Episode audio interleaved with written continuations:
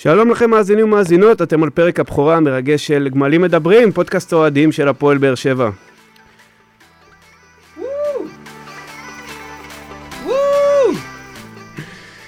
ורגע לפני שאנחנו מתחילים את התוכנית הדי מרגשת שלנו, נגיד שלום לפאנל המרגש שלנו. שלום לך אלון זבולון. שלום, שלום. שלום לך אלכס רדנסקי. אהלן, אהלן. ושלום ליוסי מדינה. אהלן, ערב טוב. יוסי, למה אנחנו בעצם עושים את הדבר הזה? מה, מה לנו ולפודקאסטים, לאוהדי באר שבע? ולדבר למיקרופון פתאום. כן, אה, אז בוא נגיד ככה, אני חושב שבכמה שנים האחרונות הפועל באר שבע בנתה לעצמה שם יפה. קבוצה מובילה, גם אה, מקום שביעי, מקום שמיני, נלחמת נג... על החיים שלה, מדברים עליה. קבוצה מעניינת בסך הכל. חושב שקבוצה מעניינת מביאה איתה כל מיני דברים, ואחד מהם זה גם פודקאסט. חבר'ה באים, מדברים, וזה כיף. אבל להפועל באר שבע הייתה בעיה עד עכשיו עם האנשים שדיברו עליה. כי היו הרבה, בוא נגיד, אה, עיתונאים שהיה להם אינטרסים, או עיתונאים בלי אינטרסים שסתם מחפשים אה, להגיד דברים רעים. היו כל מיני אנשים שהתיימרו לייצג אה, את האוהדים. אנחנו פה בשביל לדבר, קודם כל, מתוך כיף. כולנו פה עושים את זה בכיף ובהנאה. אה, לא מחפשים אה, לא להתחנף, לא, לא להגיד רק את הטוב, אנחנו נגיד גם את הדברים הרעים מדי פעם, אבל אנחנו בעיקר עושים את זה כי אנחנו חושבים שמגיע לאוהדי הפועל באר שבע משהו שהוא קצת אחר, קצת שונה, ונראה לי שמכאן אפשר לאחל לכולנו רק בהצלחה. טוב, עם כל, ה... כל ההתלהבות לא הצגתי את עצמי, אני תומר נוח, ואנחנו...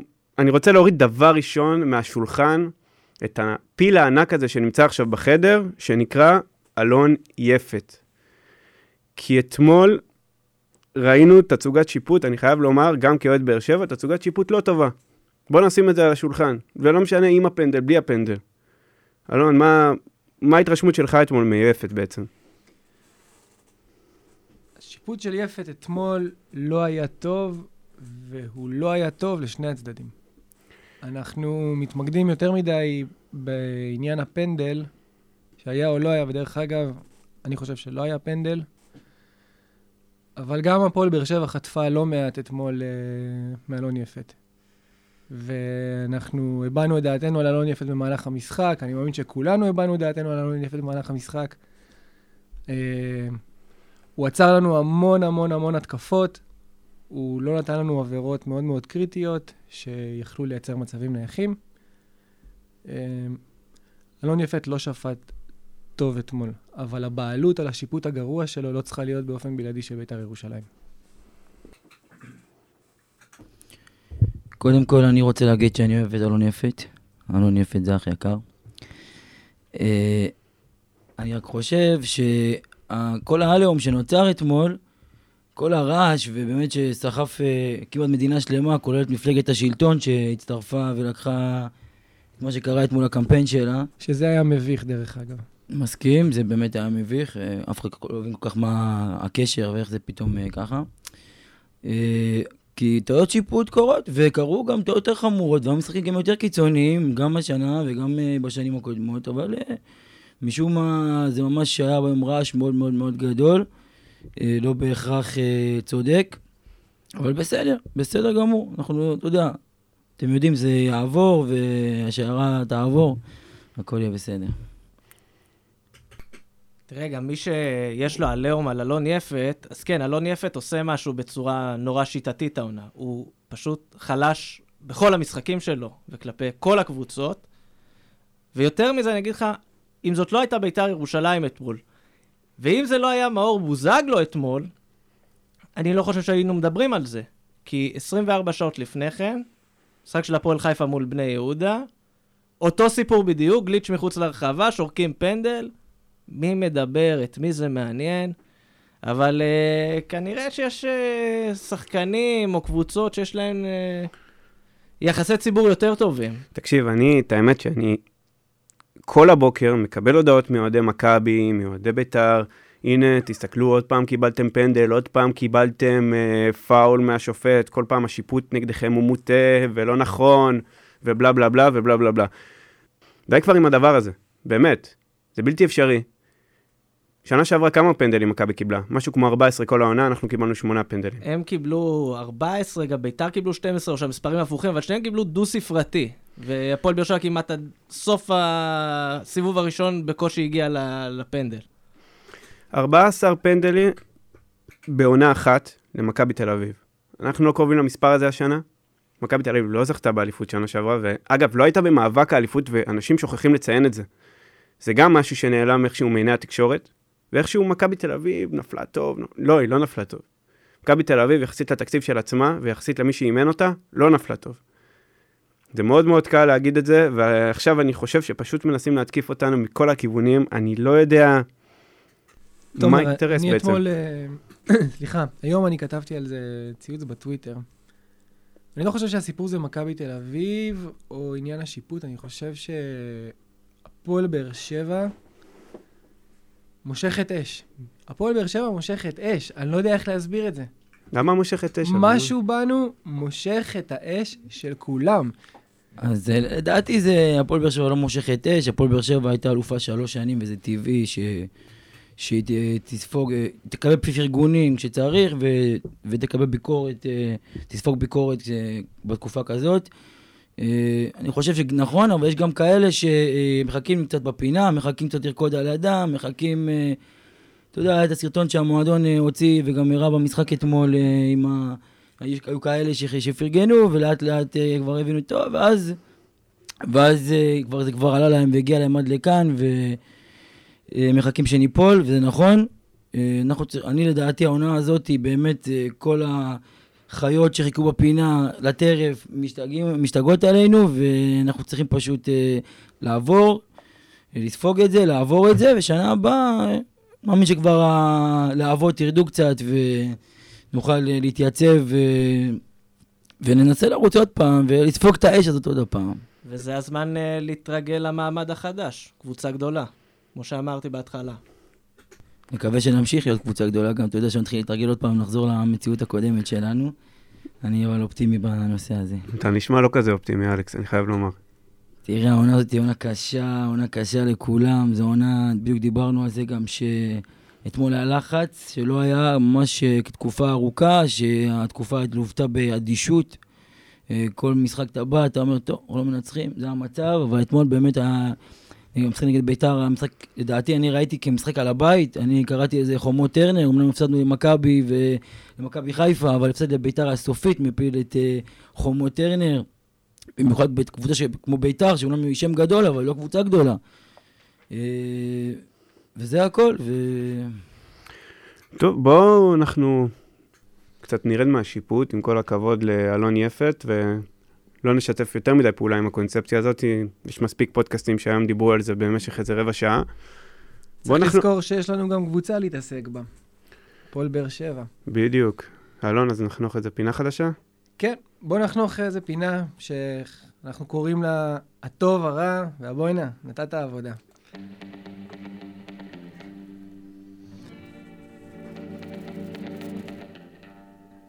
אוקיי, אז מדי פרק אנחנו נציג אה, מי היה הטוב, מי היה הרע, ומי וואלה, נתת עבודה במשחק האחרון ששיחקה הקבוצה, ונתחיל עם המשחק, אה, משחק של אתמול מול בית"ר ירושלים.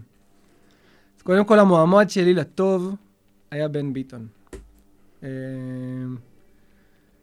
אני יודע שמאוד מאוד קל לצחוק על בן ביטון, קל מאוד מאוד לבקר אותו, אבל אני חושב שהוא עבר איזשהו תהליך מאוד מאוד יפה, והוא הפך להיות אחד המגינים הכי טובים בישראל, בטח הישראלי שבהם.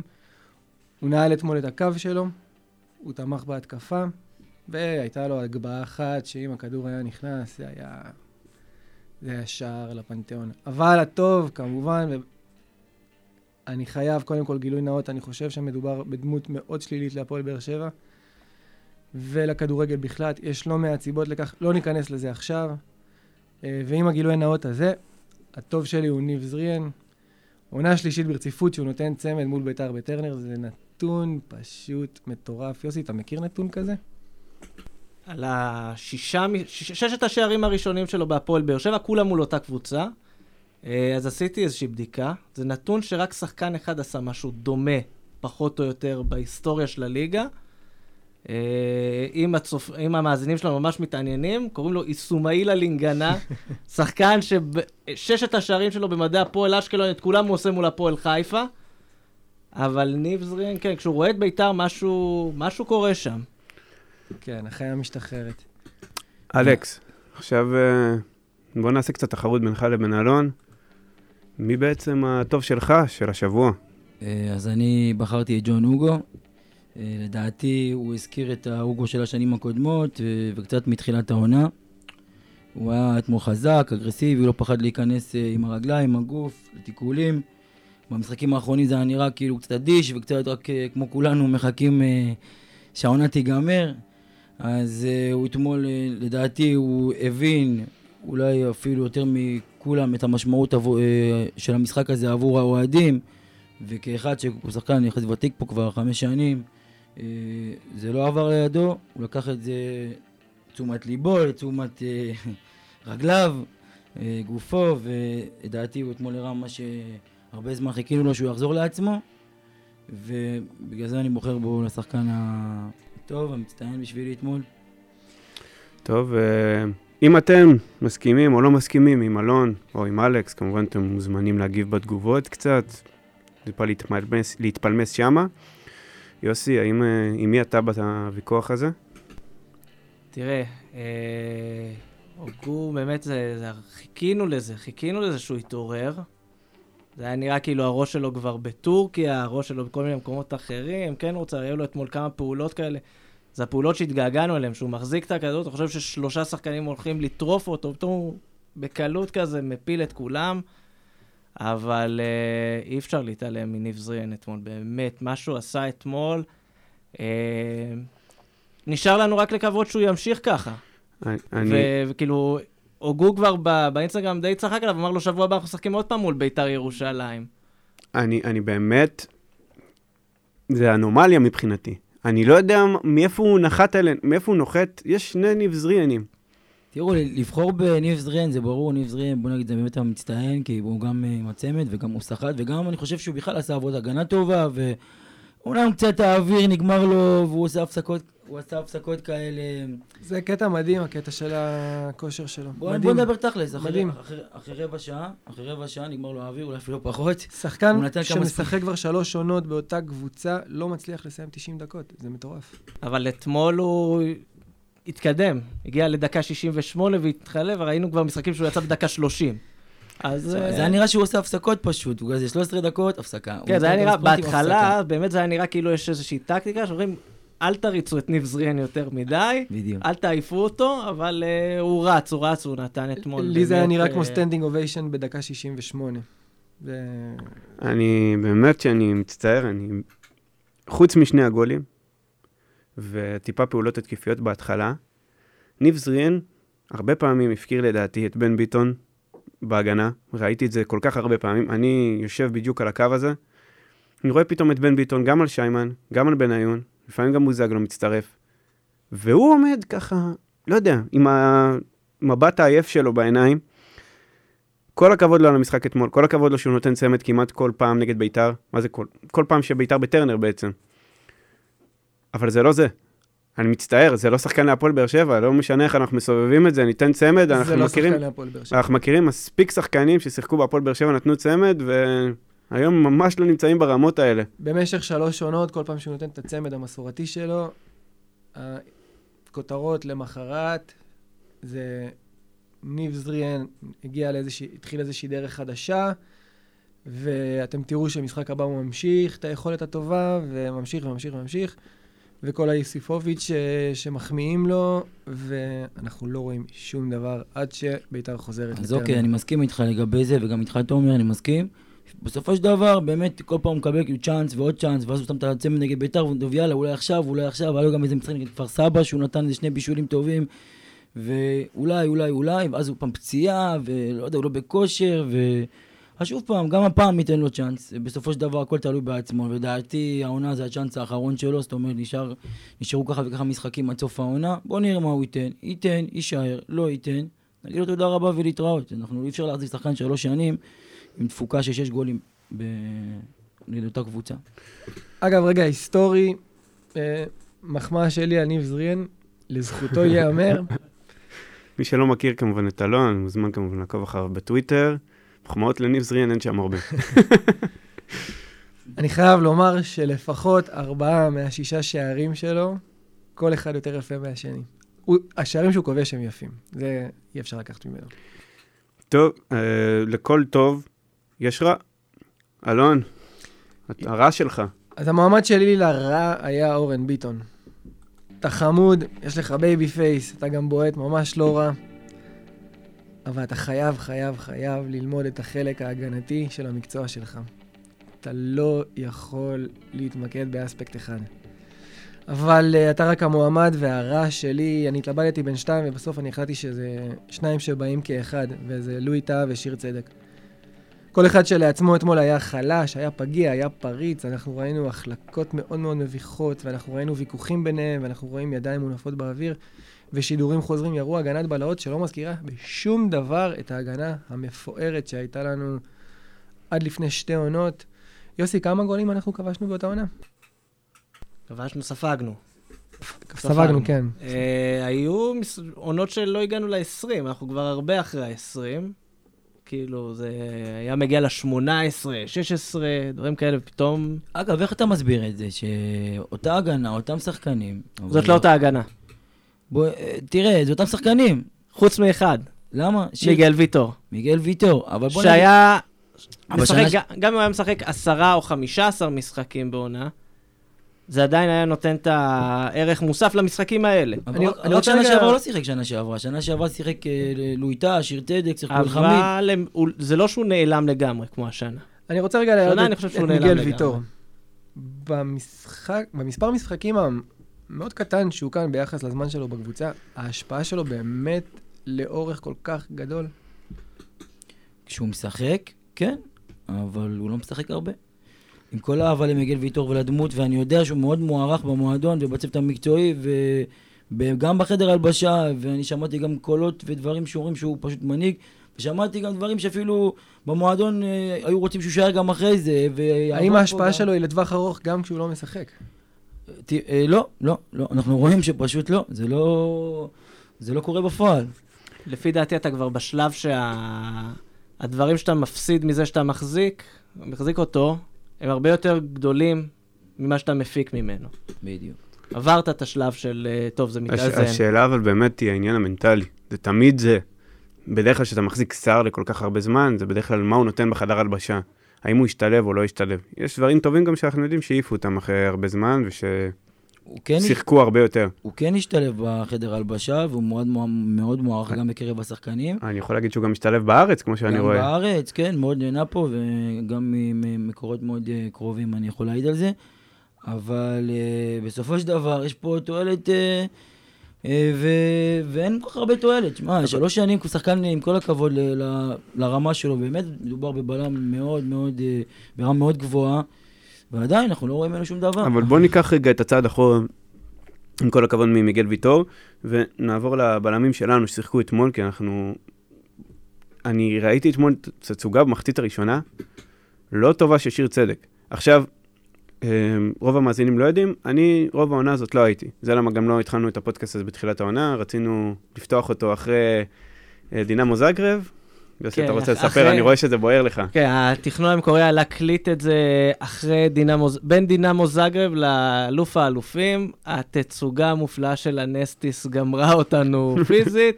אמרנו, נחכה, אולי אלוף האלופים ייראה יותר טוב, נקליט שמחים עם תואר. לא הקלטנו שמחים, ולא היה תואר. אה, שלחנו את תומר להתבודד אה, בעולם איפשהו, שיחזיר לנו את המזל, את הקרמה הטובה ממקומות שמבינים מה זה קרמה. וככה הגענו עד הלום. אז, אז זה מה שאני מנסה להגיד. הייתי עכשיו, יש לי... חזרתי עכשיו אחרי חמישה חודשים של uh, טיול, ויש לי טיפה את הפרספקטיבה הזאת של... שיש לי ציר זמן קטוע מסוים של הקבוצה. מהרגע שבעצם שעזבתי, שזה המשחק uh, מול קריית שמונה, ממש בתחילת העונה, ל... לעכשיו, ואני הייתי פשוט, במשחק הראשון שלי העונה בעצם היה מול הפועל תל אביב. הקבוצה הזאת בעיקר שבורה מנטלית. לא פספסת הרבה. לא. אה, פספסתי הרבה, אני בטוח שלא. כן, כולנו מתחלפים איתך בכיף, לדעתי. אם אפשר גם יותר מאוחר לחזור. ואני, הבעיה פה זה בעיקר ביטחון, דברים כאלה, דברים שלא מתחברים בעצם. מה, מה ההבדל בין לואי טאה ואל חמיד של שנה שעברה לשנה? כי הרי אם אני לא טועה את העונה הסדירה, סיימנו עם איזה... הם קיבלו את קדמת הבמה. סיימנו עם 27 שערים, אני לא טועה, ספיגה. לא נורא, משהו כזה. היה, היה דברים יותר גרועים מזה. אבל היו הרבה מאוד דברים שחיפו על זה. כאילו, ויטור אמרנו, צריך לזכור שהקישור האחורי שלך, אז היה לך את רדי, שהוא היה מאוד מאוד גרזן כזה, שיכל... אה, אבל כמה רדי שיחק בסוף. העונה? שנייה, ויש עוד נקודה. מאחוריהם, הם ידעו, נניח עכשיו התפספס, פספסנו כדור, גם גורש וגם חיימוב יחסית אישרו ביטחון על ההגנה. כלומר, הם קיבלו ביטחון משני הצדדים שעטפו אותם. העונה לא היה להם את זה כל כך, כי כמו שאלכס אמר מקודם, הוגו היה נראה לא פה, היה כל מיני דברים, סאבו, כל מיני ניסיונות כאלה בקישור האחורי שלא הצליחו. על עמדת השוער בכלל, בינתיים אין מה להגיד שהיה יותר מדי בלאגן. וזה מעביר את כל הלחץ אליהם. אבל אני, לדעתי, קודם כל, מה שגרם לנפילה וגרר פשוט את הקבוצה למעמקים שלא האמנו שאנחנו נגיע, זה קודם כל ההגנה, כי אם אה, תחילת העונה, אם אתם זוכרים, ההגנה. אם תחילת העונה, אם אתם זוכרים, שיחקנו טוב, הגענו כמעט כל משחק להמון מצבים, הפקענו שערים, אבל מה ש... אבל... ואז פתאום אתה סופג, לדעתי נקודת, נקודת שבירה זה נגד הפועל חיפה, שכבשנו ארבעה שערים, וספגנו בכל מקרה ולא ניצחנו את המשחק, ופה זה נשבר, כאילו באמת, ההתקפה, הקישור עשה את העבודה, היכולת הירודה של ההגנה, לדעתי, אה, הורידה את הביטחון לכל הקבוצה, היא גררה את כל הקבוצה אה, למטה, וכל המערכת יחד איתה קרסה, כי כמו שאתם יודעים, כשלא הולך, אה, וכשיש אווירה לא טובה, אז שום דבר לא הולך טוב, ויש אווירה טובה בכל המערכת, ולדעתי זה מה שהוביל למצב כרגע. אלכס, ואם כבר אתה ככה על המיקרופון, מי הרע שלך להשבוע? אז אני הלכתי על המועמד אה, של אלון, ואני בחרתי באורן ביטון. אה, אני חושב שעוד פעם, אני מאוד מעריך את ההשקעה שלו ואת הרצון ואת ההקרבה שהוא נתן אתמול. אה, גם מבחינה התקפית ראיתי כמה פעולות יפות, באמת שהוא ניסה לעשות והצליח גם, אבל מבחינה הגנתית הוא לא היה קיים, ולדעתי מאז שהוא חזר מהפציעה הוא לא קיים הגנתית, עוברים אותו לא פעם בקלות אה, מאוד רבה. הוא אף פעם לא היה זה שחקן... קרה גם לפני. נכון, הוא אף פעם, בדיוק, נכון, הוא אף פעם לא היה שחקן אה, הגנתי מדי, אבל אז, הנה, כמו שאנחנו אומרים, הייתה, אה, ההגנה הייתה- יותר טובה, והיה יותר ביטחון בהגנה, וזה גם כנראה, בתקופה שלה, אז באמת, כל מי שהיית מכניס, אה, עושה חילוף פה, מחליף תמורה אחד על אחד, אז הכל היה הולך. באמת, כשהכל תראה. לאורן ביטון יש מזל. כי אורן ביטון קיבל את הכישרון ההתקפי. עכשיו, אם אנחנו מחלקים את התפקיד של מגן בעידן המודרני, אה, מחלקים אותו לשניים, אז יש את החלק ההתקפי ויש את החלק ההגנתי, כשבעבר הרוב התמקד בחלק ההגנתי. את החלק ההגנתי אתה יכול ללמוד. אתה יכול ללמוד את היסודות של, את היסודות של התפקיד אגב, הזה. תמצא אחד כזה בארץ, יש מגן כזה בארץ, שהוא גם, אפילו מבוקה, שאני חושב שהוא ב- אולי המגן הכי טוב כרגע בו זה בארץ. עניין של למידה. אתה לומד, אתה משקיע, אתה מתאמן, אתה מכיר את היסודות, אתה יודע מה צריך לעשות. כי בסופו של דבר, הגנה זה משהו מאוד מאוד ליניארי כמעט. כדור מגיע לפה, אתה צריך לרוץ לשם, כדור מגיע לשם, אתה צריך ללכת לשם. אתה צריך ללמוד איזושהי שיטה אגב, אני ולהתאמן עליה. אני מאמין בשמגן הוא מגן קודם כל, לדעתי. גם אני, גם אני. זה מה שאני מאמין, ואז יש את השיטות החדשות של השלוש בלמים והמגנים הפכו לקשרים. אוקיי, זה עובד לפעמים, אני אבל מסכים איתך. מגן כתפקיד הוא קודם כל הגנה. אבל החלק השני של המגן זה החלק ההתקפי. וחלק התקפי זה כבר כישרון. אתה, יש לך את זה או אין לך את זה, כמו שאומרים? כישרון, אתה צריך לדעת לרוץ, לדרבל, לעשות המון המון פעולות שמאוד מאוד תלויות ביכולת ובכישרון שלך. ואורן ביטן קיבל את זה. קצת פחות קיבל את החלק ההגנתי. יש לו מזל, הוא יכול ללמוד את החלק ההגנתי ולהיות שחקן הרבה הרבה יותר שלם ממה שהוא היום. הוא צעיר, אבל הוא צריך לעשות את זה. מסכים. מי, טוב, שוב, אנחנו מזמינים אתכם כמובן בתגובות להגיב מי לדעתכם היה הרע של המשחק. אתם יכולים להסכים עם אלון, אתם יכולים להסכים עם אלכס, אתם יכולים לכתוב את דעתכם. הכל טוב והכל מתקבל. חוץ מכמובן אה, לכתוב את זריאן, זה סתם לא יפה עכשיו. והחלק האחרון בעצם של הפינה, נראה לי שזה הכי מסקרן. אלכס, מי נתן עבודה השבוע? אז uh, אני הלכתי לכיוון אחר, הלכתי לכיוון הקהל, ועל טרנר, שאתמול uh, הזכיר לנו קצת uh, טרנר הטוב והביתי והמפחיד, ש... שאנחנו מכירים אותו ושכולם מכירים, וכל הקבוצות רעדו מלהגיע.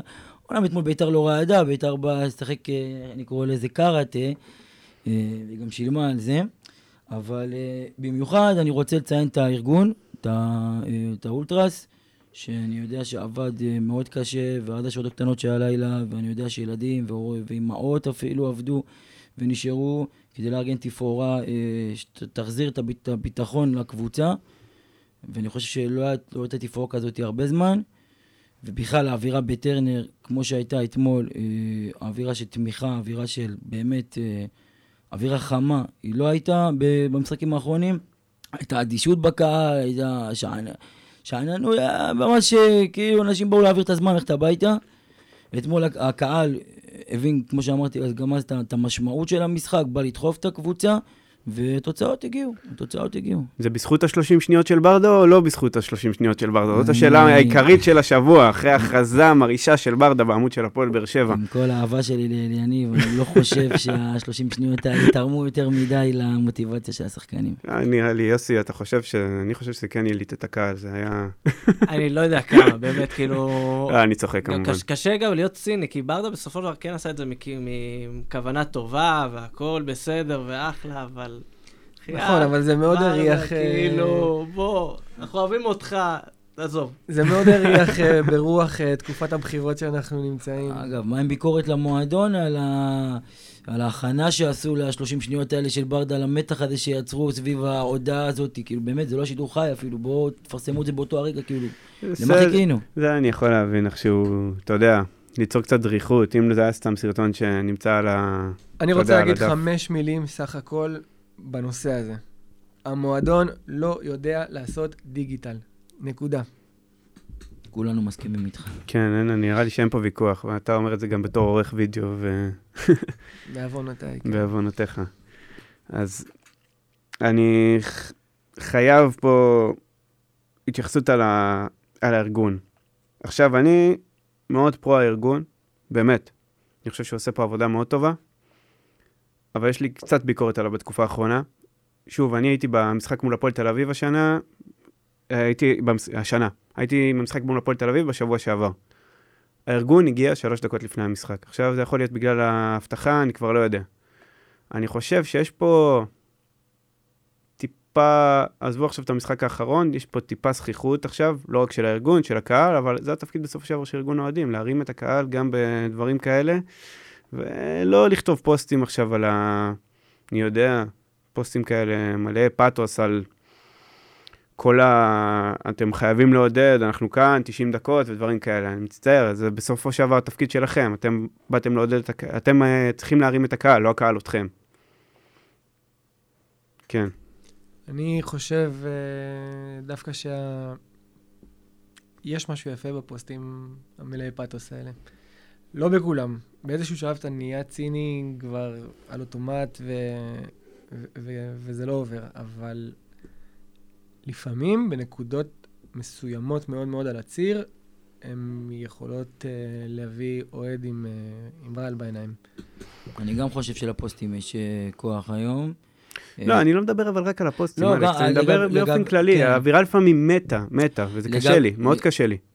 תראה, אתה צודק לגבי התפקיד של הארגון להרים את הקהל, אבל בסופו של דבר גם הארגון, כל אחד ואחד זה אוהדים, וגם הם חווים את המשבר הזה של הקבוצה, והם חווים את מה שקורה, וגם הם נכנסים אולי כל אחד אה, בעצמו לאדישות הזאת, אבל עדיין אני חושב שהם, גם צריך לציין את זה, ולהגיד שהם הם תומכים לאורך כל העונה. כארגון, תומכים בקבוצה, מעודדים אחרי כל משחק, תומכים בשחקנים. הם לא נגררים לפעמים לשריקות בוז המלחיצות האלה של טרנר, כי כולנו גם יודעים מה זה טרנר, וגם הרגשנו את זה השנה. כמו שידענו את זה, כשטרנר הוא טוב, כשהכול טוב, אז טרנר הוא הרגש, וכשהמצב פחות טוב, אז פתאום זה סיר לחץ אחד גדול. והארגון דאג לדעתי לשמור פה על שפיות מסוימת בקהל, גם לא רק בפוסטים האלה, גם אפילו באימונים שהוא הגיע, הוא תמך, הוא לא עכשיו בא לשרוף את המועדון, כמו שאנחנו מכירים מקהלים אחרים. וגם, ומגיע לה מילה טובה על זה. ועוד משהו, אגב, שזה משהו מקביל לדעתי לארגון. שמעתי לא מעט ביקורת על הקהל שלנו, הרבה דברים שאומרים שאנחנו לא קהל של כישלון. אגב, אני לא מכיר קהל בארץ שהוא קהל שטוב בכישלונות. אין כזה, אולי הפועל תל אביב וגם זה לא משהו. אבל תקנו אותי אם אני טועה, הממוצע קהל שלנו בסדר גמור. לא ציפיתי שיהיה ממוצע קהל של עונות אליפות. יש פה מישהו שציפה למשהו אחר, לא, אין, לא אין, יודע. אתה רואה עדיין שטרנר יחסית מתמלא. גם במשחקים שלא הולך, אז תמיד יש את הקרחת הזאת בצפוני, שגם בשנים קודמות היו. אין פה איזה נטישה תרשה, זה, אה, מסיבית. אני אגיד לך מה, אה, זה נראה לי פשוט הקהל לא, לא מסרב לקבל את זה, שזה פשוט, אנחנו כרגע בקבוצה תחתית, לא, לא טוב לי שבוע הבא, שבוע הבא, לא, לא, אה, הקהל מסרב לקבל את זה, אז הוא ממשיך להגיע. לא, אבל גם נהיה חלק פה... גדול מהקהל לקח את הפועל באר שבע, הקבוצה הטובה, הקבוצה האלופה, למקום של אטרקציה תרבותית. זה פעילות יום א' שלהם. אה, אנחנו באנו מווסרמיל עם הקירות מלאי שתן, כן? אז לגבי זה בחייאת, בוא נוכל לשים כל פעם, יש איזה אירוע תרבות אחר, איזה יום, תציין איזה יום אחר, איזה יום האישה, ויום הזה, עם כל הכבוד. תעשו איזה שלוש כאלה, שלוש אירועים בעונה, אי אפשר שכל שבוע יש איזה יום. כמו שאתה אומר, באנו מווסרמיל, הרבה מהקהל הגיע לטרנר ממקום של, אנחנו יוצאים עכשיו עם הילדים, עם האישה, עם הבת זוג, עם הבן זוג, אנחנו יוצאים עכשיו לאיזושהי פעילות תרבותית. הרבה הרבה מהאוהדים אבל לא באו כולם, מהמקום הזה. לא כולם כמונו. אני, אני גם, אני, לי, אין לי יציאה מזה. אני גדלתי בווסרמיל, אני נראה לי הכי צעיר פה כרגע. אני סובל כשאני יוצא למשחקי כדורגל. אני, אני באמת, אבל כולנו פה באנו מווסרמיל. אני אולי באמת הכי צעיר פה כרגע, אבל אני באמת... זה, זה אווירה אחרת. אין, אין, אין מה להשוות בכלל בין האווירה של טרנר. שם אתה... נגיד אתה רוצה לקחת עכשיו את uh, אשתך, היית לוקח אותה לווסרמיל? לא, חד משמעית לא. ברור, אנחנו לקחנו למשל את אימא שלי, או את סבתא שלי לטרנר. שתי נשים שבחיים שלהם לא היו במשחק כדורגל. בחיים. והצלחנו לקחת אותם לטרנר והם אפילו נהנו. ופה השינוי, הטוויסט הזה של העלילה, שאנשים גם מחוץ לבאר שבע לא הבינו שזה קהל אחר לגמרי. כי הם עדיין מס- שוחים את האלפיים משער שתיים, שלא משנה מה, אם זה אנחנו לא מובילים 3-0, הם על הגדר. נראה לי, יש פה טוויסט בחשיבה.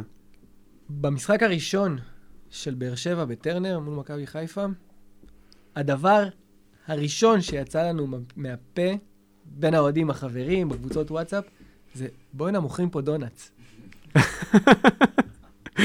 אגב, לגבי זה אני רוצה להעיר, אני באופן אישי לא קניתי בטרנר שלוש שנים, עונה רביעית כבר. גם אני. לא, לא נאצ'וס, לא בפופקורן, כי מבחינתי זה לא הצגה, זה לא קולנוע, נכון. זה לא, זה כדורגל. אם אין גרעינים, לא קונים כלום. נקניקייה, לכבד נקניקייה, שאגב, היא על הפנים בטרנר עם כל ה... לא, בווסרמיל היא הייתה, מה אני אגיד לך? כן, לא חנניה. יודע, אבל אה, אם אתה רוצה, אגב. אה, רכילות נקניקיות, יש אה, עיתונאי מקומי אחד, שראיתי אותו יותר מפעם אחת אוכל את הנקניקיות האלה. אני לא יודע איך עד עכשיו הוא לא קיבל הרעלת קיבה. אני לא מאחל הרעלת קיבה לאף אחד, אבל שישמור על עצמו, זה הכי חשוב. אבל לפחות בווסרמיל פרנסנו את אה, חנניה, ואם דאגנו לפרנסה, אז הרי יש ברכה בנקניקיות האלה, אז בגלל זה גם שרדנו את כל התקופה ולא... טוב, אלון, מי נתן עבודה? אני, מי שנתן אצלי עבודה, קודם כל אני אדבר על המועמד, המועמד שלי זה, זה המצטיין, זה הטוב אצל אה, אלכס, אה, ג'ון אוגו. אחרי חודשים של חודש מצידו, ראינו סוף סוף את הג'ון הישן והטוב. אני חושב שאלכס הסביר את זה בצורה הכי מובהקת שיש. אני רק רוצה להוסיף שהמוטו שלי לגבי הקבוצה בשנים האחרונות, מוטו די דבילי, אבל שיהיה. ג'ון טוב שווה קבוצה טובה, ג'ון רע שווה קבוצה רעה. חד משמעית, זה, זה המוטו שלי. נכון, אבל אה, עכשיו, איך יודעים מתי הוא טוב, מתי הוא לא רע, מתי הוא רע? זאת אומרת, לא כאילו, יודעים. מה, מה גורם לו להיות טוב, מה גורם לו להיות רע? אז מי בעצם, מי המקום ראשון שלך בנתת עבודה? מקום ראשון שלי אה, זה אוהד לויטה. הוא ספג אה, מעל שער למשחק עד עכשיו, אם אני לא טועה. אבל אתמול הוא נתן תצוגה מרשימה, הצלות חשובות מאוד, כולל אחת מאוד מאוד יפה, וירטואוזית, לקראת הסוף. כל הכבוד, אוהד. יש לי פינה עוד חמה בלב לאוהד לויט, אני חייב לציין. עוד מהקדנציה הראשונה שלו. זה היה כזה בתחילת העונה, נכון? סבא הגיע, ואז הוא הגיע, ואז היה שמות שגם רועי קהת מגיע, ואז לא הבנת אם חזרת במנהרת הזמן, וגם הקבוצה נראית לא טוב, וכאילו... קודם כל, לויט גם חזר שונה לגמרי ממה שזכרנו אותו, וגם ממה שנראה לי אוהדי מכבי חיפה זכרו אותו. קודם כל הוא בא להיות שוער שני, הוא בא בעיקר חיים את הספסל, קרה מה שקרה עם ארוש, הרב אה, הנסתר על הגלוי, אבל אפשר, אפשר להעריך מה קרה שם. לקח את המושכות, קיבל קרדיט, ו... והצליח, והצדיק את הקרדיט שהוא קיבל. חד משמעית. אתמול ההצלות שלו, היה את ההצלה הזאת בסוף שהוא כזה עם הרגל, העיף את הכדור ומישהו מאחורי, זה דחיה. מישהו שהיה ביסודי בתקופה של אה, לויטה ורועי קהד, ואתמול היה על המגרש זה תומר יוספי. מה אתה חושב עליו? אני אוהב את הילד הזה. כן? הוא חוצפן בצורה חיובית, והלוואי וימשיך ככה. רציתי מאוד להתייחס אליו בפודקאסט הזה, אני אגיד לך את האמת. אבל אני חושב שמה שקרה אתמול זה קצת, הוא צריך לקחת את זה... הקבוצה צריכה לקחת את זה כתמרור אזהרה בעצם. יש לך את אסלבנק פנוי, תהיה חכם, אל תבעט עכשיו. זה, זה נחמד והכל, אוהדי באר שבע קצת לראות את הילד בועט, הכל בסדר.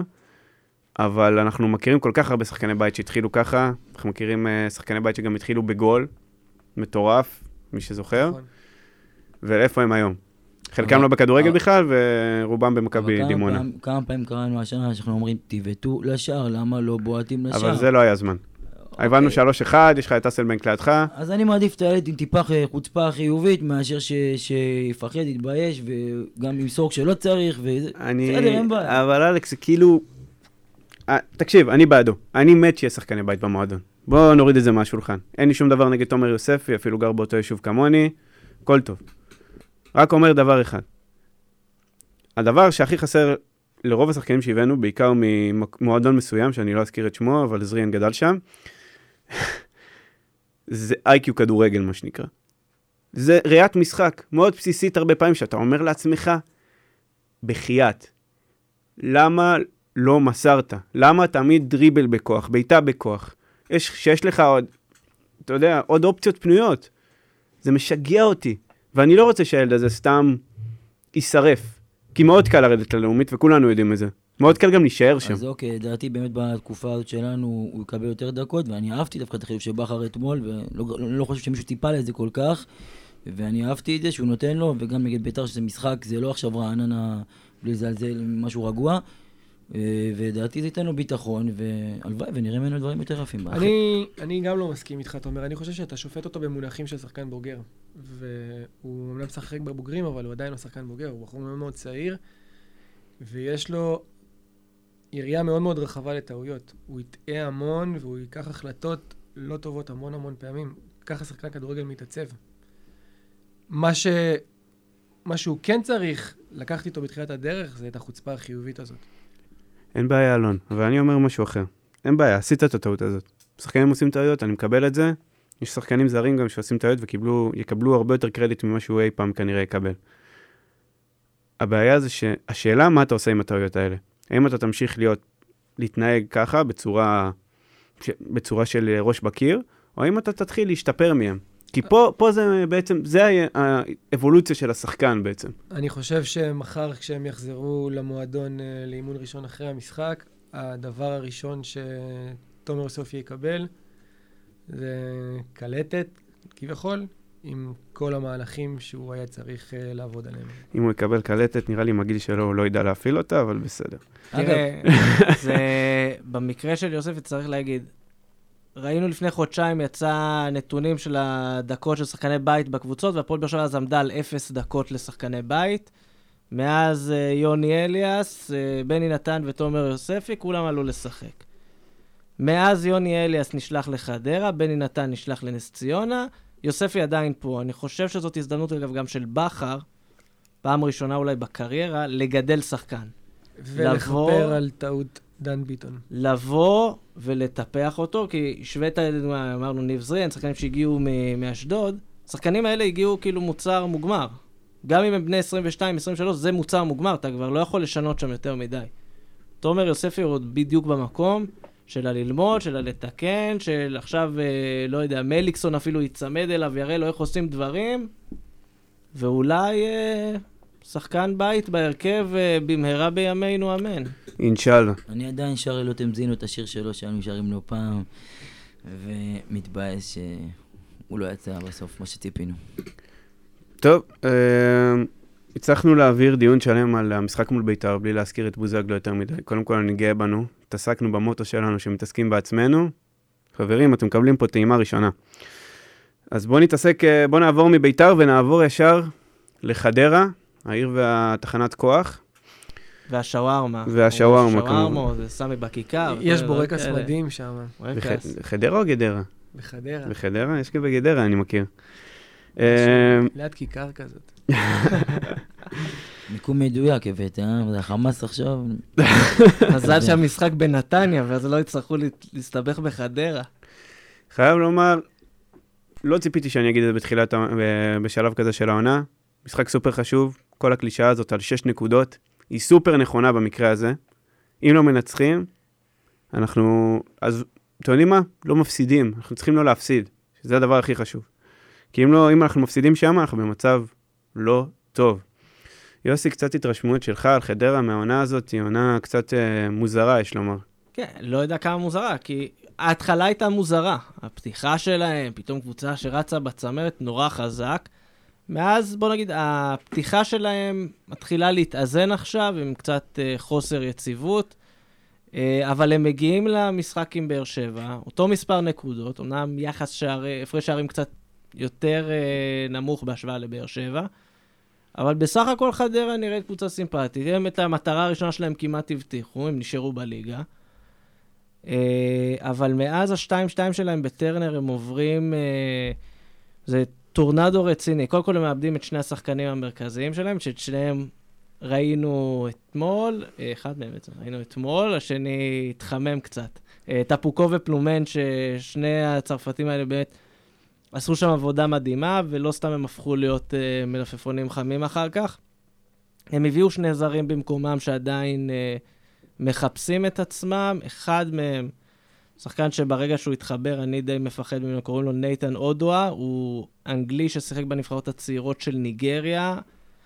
אומרים שהוא היה אמור להיות איזשהו שחקן באמת גדול, מחלקת הנוער של טוטנאם ודברים כאלה, אבל בוא נגיד, כנראה שהוא מגיע עם יכולת יותר טובה משל הרבה שחקנים בארץ. מי מי אז קר- מי דואג להם לזרים? Uh, אני לא יודע, אבל ניסו אביטן אמר שכל שם שמביאים לו, הוא מתעקש שיגיע למבחנים. כלומר, הוא רוצה לראות גם בעצמו, על הדשא, לראות אותם איך הם מתנהלים. אז כאילו, זה, פה הם עושים עבודה באמת מדהימה. ודבר נוסף שקורה להם מאז, זה שהם הופכים להיות מכבי תל אביב ג'. הם מקבלים שלושה שחקנים בהשאלה. אה, אילון אלמוג שפתח בסערה ועכשיו גם כן מתייצב מחדש, עדן קרצב שהוא בסדר, אה, והשם הכי מעניין זה לפי דעתי חביב אוחיון. כי חביב אוחיון, שוער שדיברו עליו, שוער נבחרת, השוער הבא כבר חתם באנגליה, וקיבל הזדמנות להתאושש אחרי שנה של פציעה מאוד מאוד קשה, הוא סדק שם איזושהי חוליה בעמוד השדרה. משהו רציני. הוא קיבל הזדמנות כאילו להתאושש בחדרה אחרי שג'ידן נפצע. שלושה משחקים ראשונים שלו, הוא סופג שמונה שערים. שניים מול אשדוד, שניים בגביע מול כפר קאסם, ארבעה מול בני יהודה. משחק האחרון הוא כבר לא בהרכב. הם מעלים שוער מהנוער, את עדית הבצ'ניק, אז גם הנושא של השוער בחדרה זה משהו כזה שהולך להיות טוב, מאוד אנחנו לא טריקי. נתבאס אה, מהמצב הזה, סך הכל מדובר במכביסט, אנחנו לא נרצה שהם יתחזקו, ו- עוד איזה שוער לעתיד כזה להרבה שנים. עם כל הכבוד והערכה, נקווה לכישלון אה, מפואר. מבחינת חדרה, העונה הזאת בשבילם היא הצלחה מטורפת. הצלחה מדהימה. הם קודם כל הבטיחו הישארות כמעט בליגה, שזה דבר אחד. דבר שני, היה להם שני טאלנטים ברמה מספיק טובה כדי שיהפכו למלפפונים, כמו שיוסי אמר. אז גם אקזיט הם עשו על הדרך. מבחינתם, הם הצליחו מעל ומעבר העונה הזו. יש לי עוד הערה על חדרה. קודם כל, יש להם רצף לא טוב של משחקים עכשיו. יש להם, לדעתי, מחמשת המשחקים האחרונים, ניצחו רק אחד. הפסידו בכל הארבעה האחרים. היה להם אבל הרבה משחקים כאלה, מכבי חיפה, מכבי תל אביב, שזה משחקים לא כן, אבל גם הפסידו קלים, לקריית שמונה, שבוא נגיד ש... כן. זה... כן, אבל לעומת קריית שמונה, זה היה משחק שבו בדיוק אה, ג'ידה נפצע. אז גם זה, אתה יודע, חלק מהבלגן שאופף אותם, גם מוביל אותם לתוצאות אה, כמו להפסיד לקריית שמונה. חבר'ה, אני אגיד לכם משהו, אני לא אופטימי. בואו נגיד, אתמול היה משחק, בסדר, ניצחנו אחרי אה, באמת הרבה זמן, אבל אני לא אופטימי. כי כמו שאנחנו נראים, בוא נגיד אם ביתר אתמול לא בא עם קארט, אה, אז כנראה שהיו יותר אה, סוגרים הגנתית, כמו שאנחנו נתקלים ברוב קבוצות הליגה. אז אה, לא היינו מנצחים את המשחק הזה אתמול. כי המשחק אתמול לא היה על ביתר, הוא לא היה קשור לביתר, הוא היה קשור לבן אדם אחד, וכולנו יודעים מי זה, כן, בן בסדר. אדם שבעט שמונה פעמים לשער, במקום לחשוב על הקבוצה שלו. אז אה, בסדר גמור, אז אני חושב שלא השתנה הרבה. נכון שראינו אתמול אה, שינוי מבחינת המוטיבציה, מבחינת הלחימה, והלוואי וזה יימשך, ו... וגם שבוע הבא נראה את זה ככה. אני חושב, אני מקווה מאוד שזה לא היה משהו חד פעמי בגלל כל התכונה סביב המשחק והעניין שזה עצר והדחיפה של הקהל. אה, אני מקווה שזה יימשך, אבל את האמת, אני לא אופטימי, ואני חוזר ממש מהיום בערב, מחר לחשוש שוב פעם לגורלנו. הקבוצה גרמה לנו לא להיות אופטימיים. אחרי כל ניצחון, חשבנו שהנה יוצאים לדרך חדשה. לא יצאנו לשום דרך חדשה. בגלל זה בכר נזהר אתמול בריאיון, הוא אמר, כל פעם אנחנו אמרנו כשניצחנו שהנה אולי נכון. עכשיו וזה, ועדיף לשתוק. עם כל זה, צריך לזכור איך נראה המשחק הקודם מול הפועל חדרה, שגם כן, באר שבע כבר הובילה ונראתה מצוין, ופתאום אה, משום מקום דובב גבה עם השער, כאילו... זה בדיוק הדברים שאם בכר והפועל באר שבע ידעו להתעלות ולהתגבר ולהגיד, אוקיי, זה היה. היה לנו אתמול איזשהו משחק, איזושהי יכולת מאוד טובה, ראינו שאנחנו יכולים, בואו ננסה לעשות את זה עוד פעם. עם אותה נחישות, לא עכשיו להמציא מחדש ולשחק ולעשות שינויים בהרכב, וכן, אולי אפילו להישאר עם אותו הרכב, אפילו ניב זריאן עוד פעם יעלה ויוחלף בדקה 50 כי אין לו אוויר. אז אה, הזכרת את חדרה לפני זה, זה באמת, זה, זה היה בתקופה כשהיינו, כשאת- מה שאמרתי מקודם, שהיה לנו את הביטחון והגענו למצבים וכבשנו גולים, ואז עדיין בכל זאת, בכל זאת ספגנו, וזה מה שלדעתי, אחד, אה, זה אחד מהמשחקים שדרדר את הקבוצה למטה וריסק את הביטחון שלה. כן, היה שם רצף, וכל עוד ידעו לשמור שם על איזושהי יציבות מסוימת בהרכב, אני חושב שזה יתרום גם לקבוצה, יתרום לשחקנים, לבוא ולהגיד, אוקיי, יש לכם, נותנים לכם את הביטחון, נותנים לכם את הגב, עכשיו תעלו רגועים. זה כל מה שאתם צריכים לעשות. ועוד שאלה שעולה אצל לא מעט אנשים, וראיתי גם ראיון לפני, אם אני לא טועה, משהו כמו לפני חודש, עם מר אה, לוסיו שלנו, שהוא אומר שהיה יכול להצליח בהפועל באר שבע, ואני, את האמת שאני קצת סקפטי לגבי זה. מה אתם חושבים? אני חושב שהוא הצליח בהפועל באר שבע. אה, עוד פעם, לדעתי הוא לא קיבל מספיק דקות. אני חושב שבדקות שהוא קיבל, בתור זר, גם שלא יצא מברזיל, הוא היה בתאילנד נראה לי, אבל אה, תקופה קצרה. ליגה השנייה בתאילנד. אוקיי, בסדר, אני מדבר שהוא יצא מהמדינה, ואני חושב שהוא אה, בתור מדינה חדשה, והוא גם היה לו את הקושי בשפה והקליטה והכל, ועדיין אני חושב שהוא היה טוב. בוא, שמעתי הרבה ביקורת מאנשים שאומרים, קבוצה שרצה לאליפות, אירופה והכל, בואנה, אבל הבן אדם כבש בסלטיק פארק, שער אה, של חלוץ גדול. הבן אדם בישל בסן סירו, הבן אדם כבש נגד אינטר, כאילו, נגד מי אתם רוצים שהוא עוד יכבוש? כאילו, ברצלונה לא הגיע לפה, וגם לא היונייטד ולא יובנטוס. אם יגיעו, אולי הוא היה כובש גם. אז uh, הביקורת עליו לדעתי הייתה מוגזמת, uh, ואני חושב שאחלה לוסיו, אני אוהב אותו. יכול להיות שהוא גם היה כובש יותר, אבל צריך לזכור למה הוא שוחרר. היה את האילוץ הזה שפתאום נתקעו בלי בלם לקראת בשיקטש. אמרו, אוקיי, צריך להביא בלם. סוארס היה פשוט האופציה הכי טובה, והיה צריך לחתוך זר. אז גם רוב הביקורת היא על זה שהוא עבר לאשדוד ולא... אתה לוקח שחקן, ומהקרנבל בטרנר, מהרגש בטרנר, מהאווירה, 16,000 איש מאירופה, אינטרסלטיק, אתה לוקח אותו, שם אותו באשדוד, עם כל הכבוד, זה בית קברות, האווירה... וגם באשדוד, אגב, הוא היה לא רע. הוא שם איזה שער או היה- שתיים. כן, הוא היה יחסית בסדר, אני- יחסית לרוח אני- של הקבוצה שלו. אני יודע להעיד שהבן אדם היה שם במצב אה, נפשי לא פשוט, אה, לא היה לו קל, לקחו, ס- שלקחו אותו וזרקו אותו שם, לא היה לו קל לקבל את זה. ואז הוא עבר לטורקיה, בטורקיה היה לו שם בלאגן, או שלא קיבל כסף, הסתכסך, וגם אה, נוצר מצב כזה. והנה עובדה, הגיע לחדרה, כשנתן לו שקט, נתן לו אה, אה, את התנאים שהוא היה צריך לקבל, ויש תפוקה, ואחלה לוסי שבעולם. יש ללוסיו אחלה תנאים. אני חושב שהוא אחלה חלוץ. אה, כמו שאתה אומר, ראינו ממנו שערים באיצטדיונים, שהרבה מאוד חלוצים גדולים ממנו לא הצליחו לכבוש שם. הבעיה של לוסיו הכי גדולה זה שהוא שחקן זר. ו... ו... ו... וזה מה שהכי פגע בו בעצם, כמו שיוסי אמר. אני חושב שלוסיו לא, לא נופל למשל מבן סער, לצורך העניין, שהוא שחקן הרבה יותר יקר ממנו. טוב, אז אה, בואו נקווה שיסתיים. אנחנו מזכירים, חדרה, שמונה וחצי, ביום ראשון. לא פשוט. בואו בהמוניכם, אצטדיון נתניה, אהוב עלינו. אין כמו אצטדיון נתניה. לפעמים יותר טוב מטרנר. הם לא נותנים זעתר בבגלה שלהם. זה גם בסוף. טוב, אז אה, הצטרף אלינו אורח מיוחד, אנחנו רוצים לארח את אה, בועז, אז ו- כן, ואנחנו עכשיו נשיק. אלכס, כן, תציג, הכל בסדר, אנחנו אז משיקים. אנחנו נציג מדי שבוע פינה אה, קבועה, בה אנחנו נבחר איזה תגובה ככה לפנתיאון אה, של אוהדים, שהפינה נקראת משפחה לא בוחרים. אתם תבינו גם למה, בקרוב. אז אה, הפעם בחרנו בתגובה של אה, אוהד בשם בועז. בועז פרסם את התגובה סמוך למועד המשחק אתמול. היא נלקחה מה, מהדף הרשמי. קצת אווירה. כן, תודה, תומר. אה, אז התגובה של בועז נפתחת בביקורת כלפי ההרכב שאיתו ברק בחר לעלות. היא ממשיכה עם מעט תהיות כלליות לגבי ההרכב. לאחר מכן הוא מבקש לנבא את סיכויי ההצלחה של ההרכב הזה שברק בחר. הוא ממשיך שוב עם קצת ביקורת, הפעם כלפי האי הצלחה של בכר בבחירת הרכש.